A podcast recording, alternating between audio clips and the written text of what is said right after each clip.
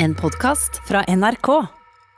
Flere i kultursektoren gleder seg til å komme i gang igjen med arrangementer nå. Det kan tidligst skje fra 14. april, ifølge Erna Solberg, som i går la frem en plan for gjenåpningen. Nå kan 100 mennesker, om forhåpentligvis ikke så altfor lenge, samles til å se på et eller annet eh, kulturelt. Frilansskuespiller Katrine Frost Andersen er klar som et egg den dagen dørene åpnes tar jeg på meg skoa, og så løper jeg ned på teateret og trommer sammen eh, en forestilling. Og så drikker jeg eh, veldig mye øl etterpå, tror jeg. Hvis det er lov. Planen om at det snart blir lov å spille for et publikum, gir et lite lysglimt for frilansskuespiller og kunstnerisk leder ved det andre teatret i Oslo, Katrine Frost Andersen. Det første steget i gjenåpningen er å tillate 100 personer på innendørs arrangementer, der alle sitter på faste, tilviste plasser med én meters avstand. En smal start etter et tøft år. Det har vært eh, ordentlig vanskelig å stå i en situasjon hvor man egentlig ikke vet eh, noe om hvordan eh, fremtiden din ser ut profesjonelt. I gjenåpningsplanen ligger det også at gudstjenester kan starte opp igjen. Gjennom påsken har det ikke vært mulig å gjennomføre, forteller biskop i Nidaros Herborg Finseth. Men det har jo vært et stort savn å ikke kunne feire gudstjenester og samles i det som er den viktigste høytida i løpet av året for kirka. Så mange savner det å møtes. Men for alle som nå legger planer om et bryllup med 100 gjester, er det viktig å huske at alle gjestene må komme fra samme kommune. Finseth lover trygge gudstjenester når de får lov å starte opp igjen. Selv om det har vært tilfeller av, av, smittespredning også i, i kirke- og livssynshus, så har veldig mange fått en, en veldig god kompetanse på, på, å drive smittevernarbeid innenfor eh, ramma av gudstjeneste og kirkelige handlinger. Så jeg tror vi kan tilby trygge samlinger når vi kommer dit. Men selv om 100 på arrangement er en start, er det langt ifra godt nok for mange arrangører. Regjeringen har måttet tåle kritikk for å nedprioritere kulturfeltet i håndteringen av pandemien. Det vil ikke kulturminister Abid Raja være med på. Ja, Kulturfeltet har blitt prioritert av regjeringa hele veien. Eh, hvis man sammenligner f.eks. det med Danmark, som man ofte gjør, der har det jo vært eh, full nedstengning av kultursektoren siden eh, november. Mens Norge vi hadde jo åpent helt frem til 25.3. Og nå har i dag statsministeren varslet at i første trinn, når vi gjenåpner, så vil vi også gjenåpne for kultursektoren. Ja, det er sterke begrensninger for kultursektoren, det er det. Men det er ikke fordi vi i regjeringa har vond vilje. Det er jo fordi vi har den Altså den eh, koronaen som vi alle hater intenst, som vi håper vi snart kan vaksinere oss vekk ifra, slik at vi kan komme tilbake til normal hverdag. Og Raja ser lyst på sommeren. Og forhåpentligvis, når vi kommer så langt som i midten av juni, så tror jeg vi kommer til å kjenne igjen livene våre. For skuespiller Katrine Frost Andersen har pandemien blitt en påminner om hva som er viktig. Og live teater, hvorfor det er viktig å få publikum inn i salen. Eh, fått en sånn fornyet tro på at det er veldig veldig viktig. At vi kommer sammen og ler og gråter av de samme tingene. Reportere her, det var Kristine Sterud og Kristine Hirsti. Så er det altså fortsatt uvisst når første steg i gjenåpningen kommer til å starte. I neste uke får vi vite om de nasjonale tiltakene videreføres, men i områder med mye smitte så kan jo lokale vedtak da overstyre den nasjonale gjenåpningen. Kulturkommentator Agnes Moxnes, god morgen. God morgen. Det er jo mye usikkerhet her, men det er jo en start iallfall? Ja, men altså, Dette har jo vært et år som har vært preget og styrt av uvisshet, særlig i kulturlivet. Det, her har man hatt plan A og B og C og D og, og startet på nytt igjen eh, hele året. Eh, men det er klart at det er jo et, et, et håp nå da, om at denne firetrinnsraketten til Erna Solberg skal ha slutteksten 'the end', og at vi er ferdig med det. Og så hørte vi i innslaget her at flere er fornøyde, men er dette nok, eller er det for lite eh, og for sent kanskje også for en del av kulturlivet? Altså, det har jo vært et horrorår, særlig for kultur og, og, kirke. Eh, og jeg håper virkelig at man evaluerer, går inn og evaluerer året etterpå og ser hvordan det feltet er blitt eh, prioritert. Rent økonomisk så tror jeg nok veldig mange kommer noenlunde greit ut av det. Mens andre har slitt, og noen har måttet gi opp. Og, og kanskje særlig unge og gründere. Og som vi hørte i en reportasje litt tidligere her, altså bakkemannskapet, de som jobber med lyd og lys og, og rigg og transport og sånt noe, det har vært vært vanskelige tider. Men samtidig så vet vi at dette er et felt som er liksom flust av veldig dedikerte folk, som er villige til å, å jobbe kanskje for litt for lite penger innimellom.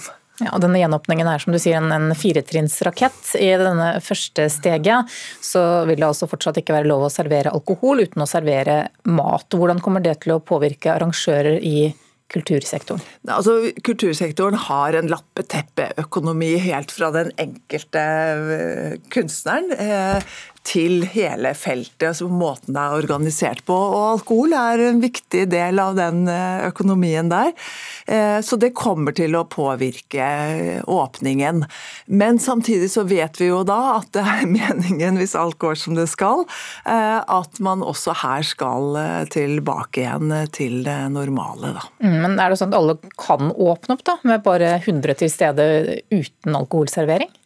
Eh, eh, nei, altså eh, jeg satt og, og, tenkte på når jeg var på en kino sist her i Oslo. Det var 9. november i, i høst. Da så jeg ett glass til. Den danske Oscar-nominerte filmen. Dagen etter så, så, så, stengte jo Oslo ned.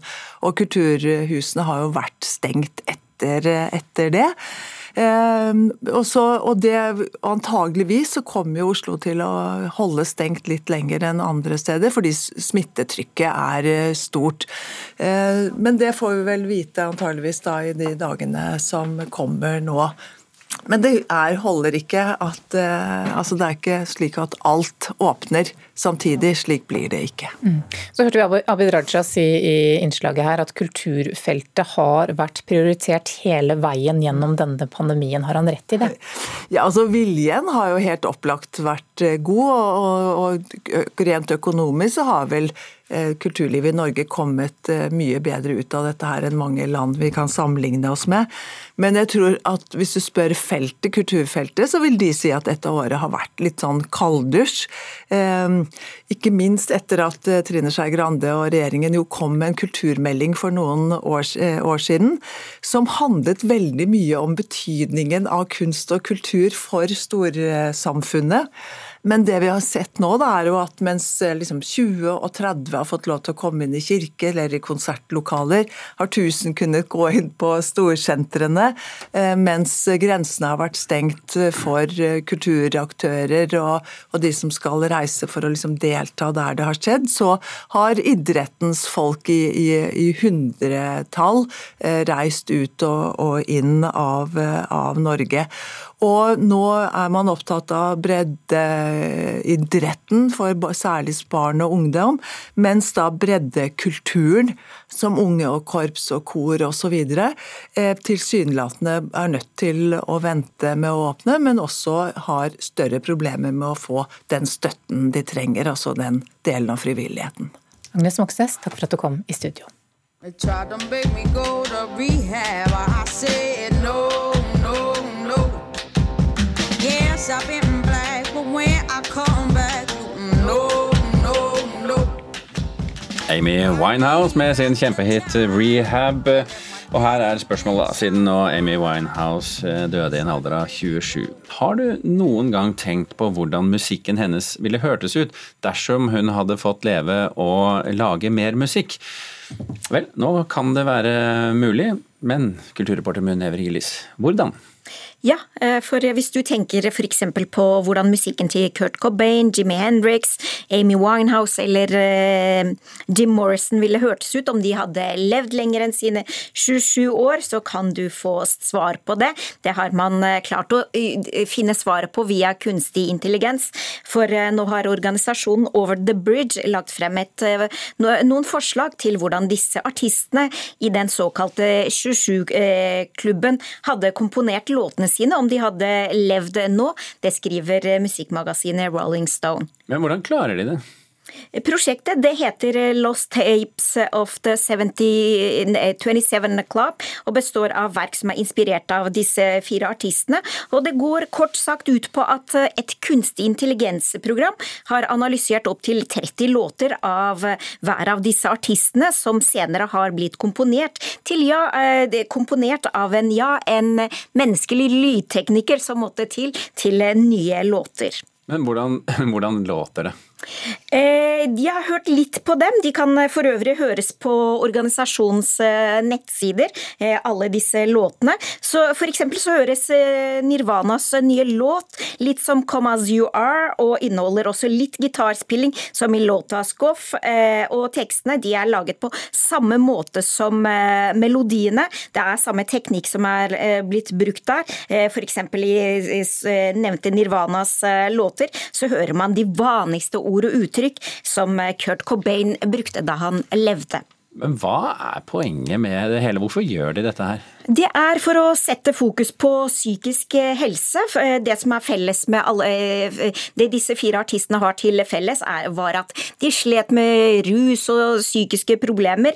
Eh, de var også i den såkalte 27-klubben, som det heter, fordi de døde da de var 27 år alle sammen. Det er organisasjonen Over the Bridge som mener at depresjon og rusproblemer og diverse lidelser blir romantisert i musikkbransjen bransjen, og at um, det regnes som et tegn på å være ekte når en artist synger om alle disse lidelsene sine.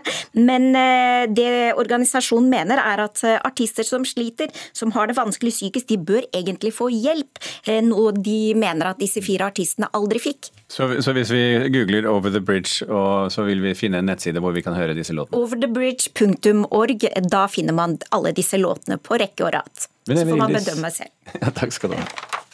Så til en eh, film som har premiere på norske kinoer i morgen, iallfall på de stedene hvor kinoene er eh, åpne. 'Resistance' handler om den franske pantomimekunstneren Marcel Marceau, og hvordan han var med på å redde flere hundre jødiske barn under andre verdenskrig. Vår kritiker Birger Vestmo sier at dette er et middels krigsdrama som ikke oppfyller sitt potensial. Marcel Marceau. It's a great name. Welcome to the resistance. Resistance er en stor produksjon med høy kvalitet på det visuelle, bl.a. med en god tidskoloritt, men historien som fortelles er bare middels engasjerende. Litt av årsaken er det merkelige valget av amerikanske Jesse Eisenberg i hovedrollen som den franske pantomimekunstneren Marcel Marceau. Han passer ikke i rollen, og har problemer med å formidle Marceaus personlighet og motivene bak hans handlinger på en overbevisende måte. Regissør Jonathan Jakubowitz har nok hatt de beste intensjoner med filmen, og har gitt historien et gjennomarbeida rammeverk, men tar få sjanser i måten den fortelles på. Resistance er derfor bare et middels godt krigsdrama som ikke oppfyller sitt potensial. 123 children. Their parents were just killed by Nazis. We need to train them to survive. What good does it do to teach them fear? I think it's important to help the children laugh in the middle of this war.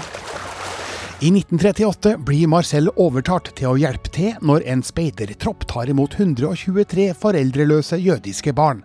Når andre verdenskrig bryter ut, slutter han seg til den franske motstandsbevegelsen, sammen med bl.a. Emma, spilt av Clamance Poesy, og hennes søster Mila, spilt av Vika Kerekis.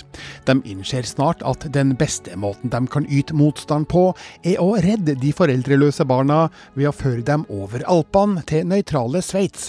Men den brutale brutale nazioffiseren Klaus Barbie, spilt av Mathias Schweighöfer, gjør alt han kan for å stoppe dem. We want to take them out to France. See if we can get across the border. Resistance gjør ære på Marcel Marceaus krigsinnsats, og viser hvordan han aktivt bruker pantomime som et verktøy for å lette stemninga blant de foreldreløse barna. Dette er en særegen kunstart som har vært utsatt for en del latterliggjøring, og filmen greier dessverre ikke å formidle dens uttrykksfullhet på et skikkelig vis.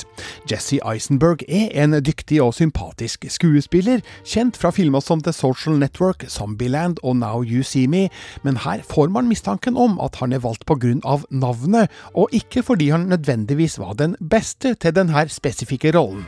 Why are we fighting a war we can't win? We can't kill all the Nazis. We can kill some. Or you can save some lives. Filmen greier å skape spenning når den uhyrlige Klaus Barbie entrer historien, sjøl om virkelighetens Barbie slett ikke var involvert i jakten på Marceau. To av filmens andre viktige figurer, søstrene Emma og Mila, er 100% fiktive, så samla får man inntrykk av at historien er 20% sannhet og 80% oppspinn. Resistance er slett ingen dårlig film, men en unøyaktig historieleksjon på det jevne. Terningkast tre. Resistance ble anmeldt av vår kritiker Birger Vestmo, og du kan lese hele anmeldelsen på nrk.no. Og Så kan vi jo ta med at for de som kan gå på kino nå, så har også filmen premiere flere steder i Norge i morgen.